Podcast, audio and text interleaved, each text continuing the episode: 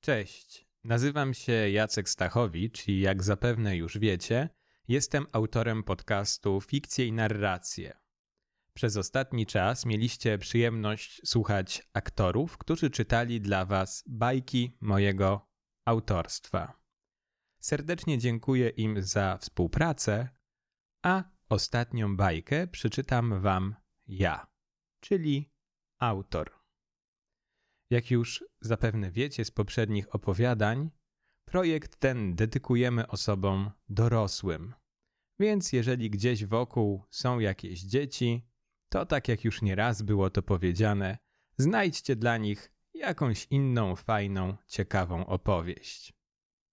I druga sprawa. Pamiętajcie proszę, że projekt ten został sfinansowany ze środków miasta stołecznego Warszawa w ramach programu Mobilni w Kulturze 2021. Wiedzcie też proszę, że operatorem tego programu jest Fundacja Inna Przestrzeń, której również serdecznie dziękuję za zaufanie. A dzisiejsze opowiadanie, ostatnie już z naszej serii, nosi tytuł O męskiej niedoli. O czarodziejce Zosi można by nic tylko peany pochwalne wygłaszać. Najlepiej jednak jej zasługi nie słowa oddadzą, lecz zdobiące jej gabinet portrety ślubne. Zakochanych, szczęśliwych par z wszystkich zakątków świata. Kobieta ta miała już tak wiele powodzeń, że myślała nawet, aby profesją swą przestać się parać i wreszcie na zasłużony odpoczynek się udać, z dala to od miłosnych problemów jegomościów. Była jednak pewna sprawa, której to nie wiedziała, jak zaradzić. I oto właśnie ta sprawa zapukała do jej drzwi. Witaj, dobrodzieju! z wymuszonym uśmiechem mówiła Zosia i wpuszczała do swego gabinetu zakapturzoną postać. Mężczyzna wówczas bez słowa wchodził do środka, rozglądał się na wszystkie strony, sprawdzając, czy czarodziejka aby na pewno jest sama. Odsłaniał twarz i siadał w fotelu tak pewnie, jakby to czynił we własnym domu. Czy może herbaty na lepsze samopoczucie? Z dodatkiem mieszanki przypraw z dalekiego wschodu. Nie, żadnych herbat. Odpowiadał mężczyzna stanowczo. Mamy problem, dodał.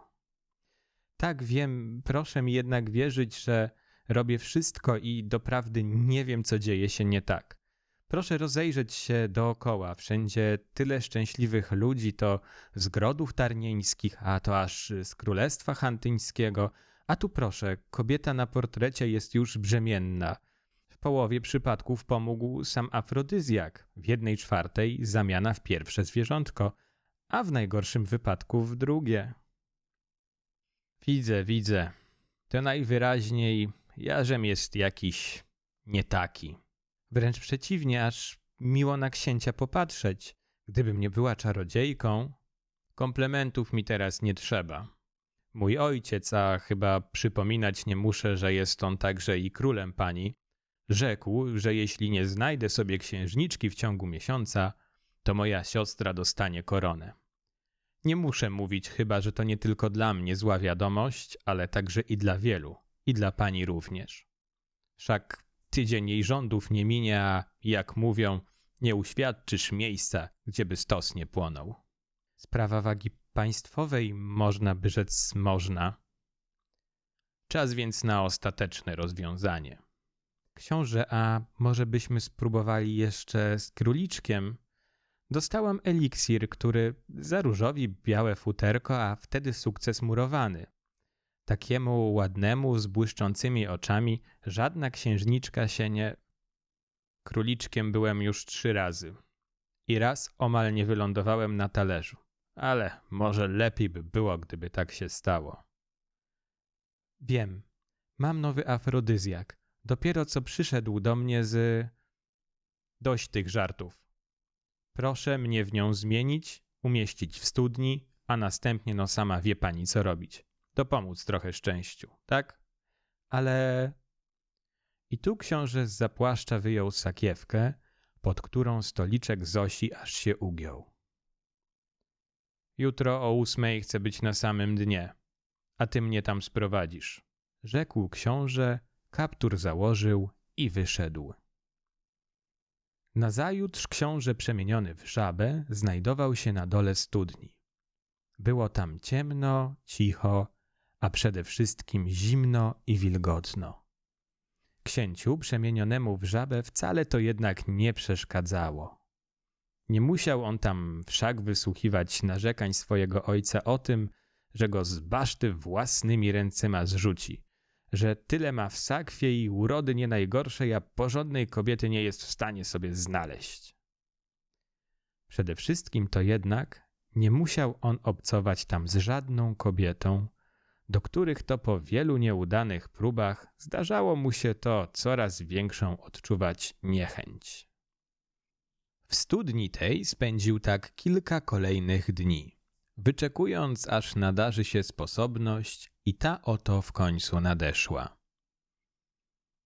Księżniczka z pobliskiego pałacu wyszła na zewnątrz. Bawiła się tam swoją złotą kulą, zabawką, którą uwielbiała ponad wszystkie inne. A tych miała zresztą całe mnóstwo. W pewnym momencie księżniczka usiadła przy studni, a czarodziejka ukryta za drzewami zaczarowała kulę i ta wpadła na samo dno studni. Książę doskonale wiedział, co robić. W takich sytuacjach, jak już wiadomo, miał pewne doświadczenie.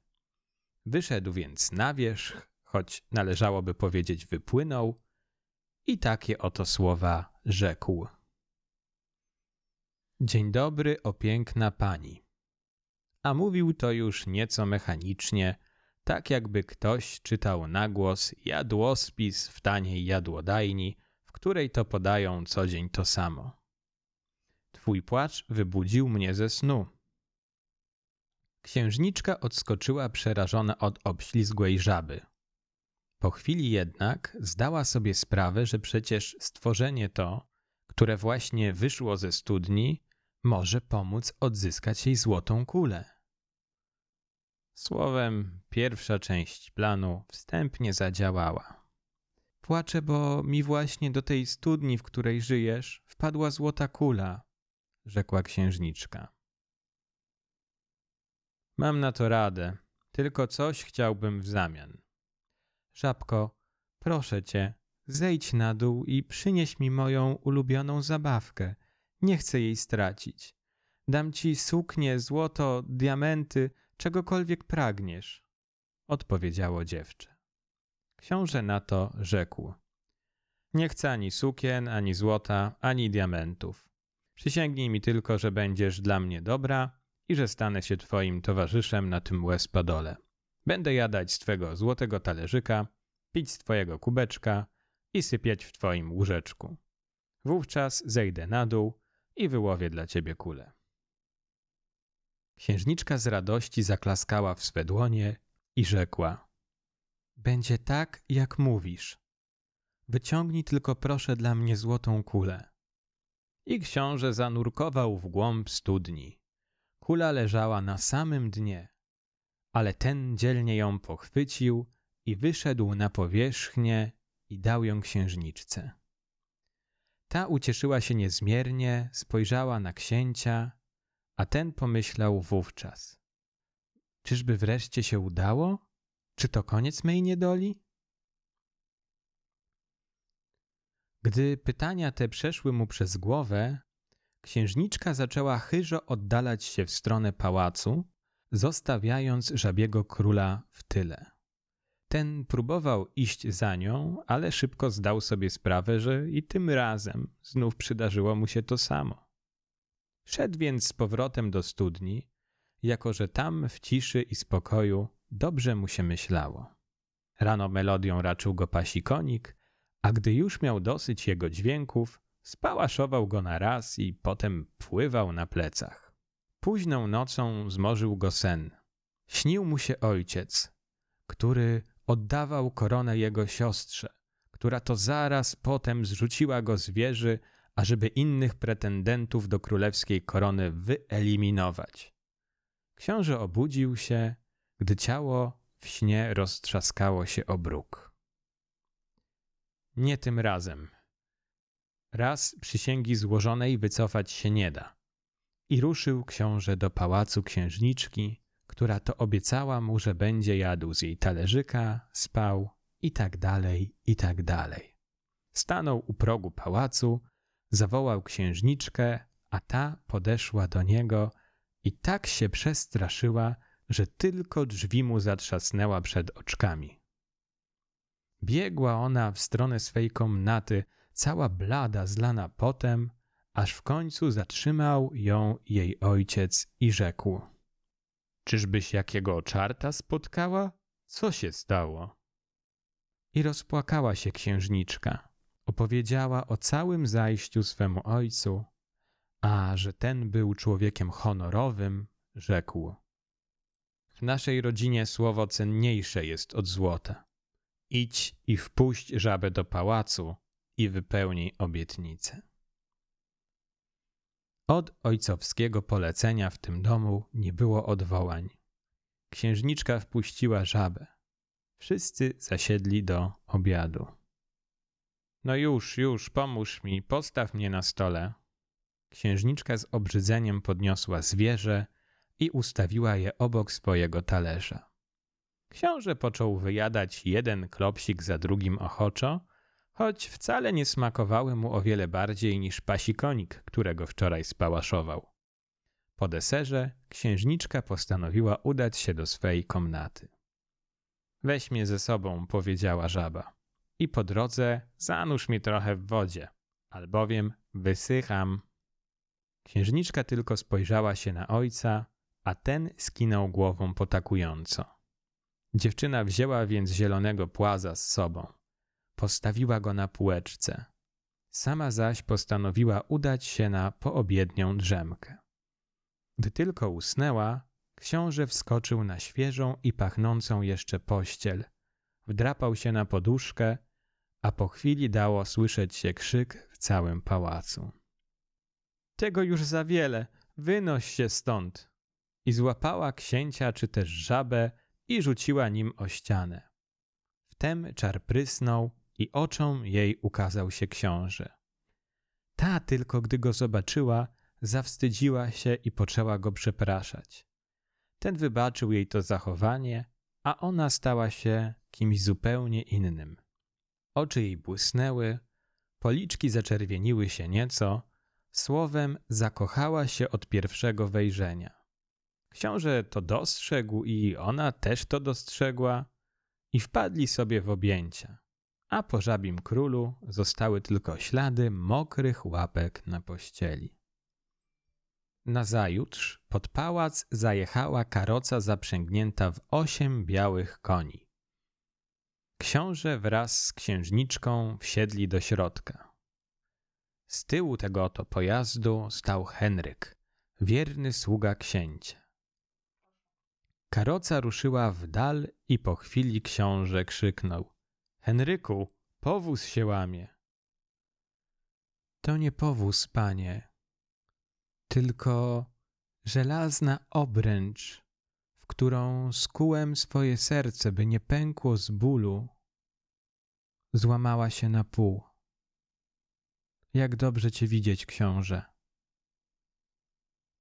Nie minął tydzień, a już na weselu zjawili się goście znamienici. Sygnał dano do jadła napitku, jakże to była piękna i długa noc. Nie minęły dwa tygodnie, a księżniczka na powrót odmieniła się w tę samą, która to biedną żabką cisnęła o ścianę. Teraz ciskać tak chciała nie księcia zmienionego w płaza, lecz księcia który jest właśnie księciem. Jakże mogłem być tak głupi, myślał nocą książę, przechadzając się po królewskich ogrodach. Napotkał on Henryka, którego również trapiła książęca niedola.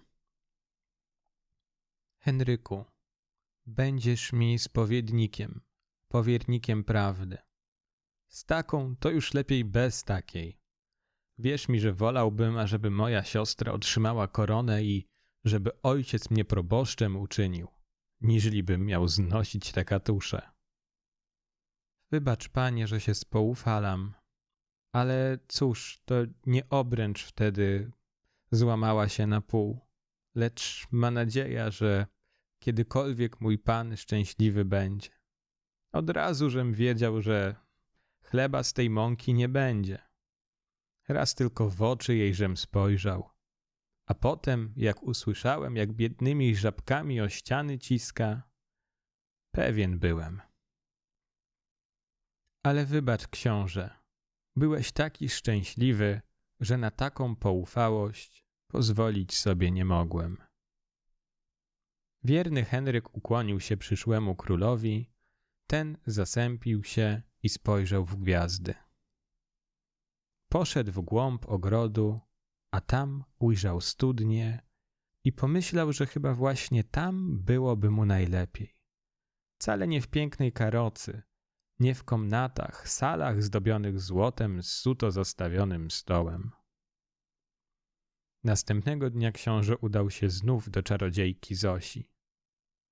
Rzucił jej tym razem sakwę tak dużą, że stolik się rozpołowił. I po kilku chwilach znów był żabką. Pluskał się w wodzie, zjadał muchy, polował na pasi koniki. Za jakiś czas to tylko usłyszał krzyki ze stosów. Ale tu, gdzie był, nic mu nie zagrażało.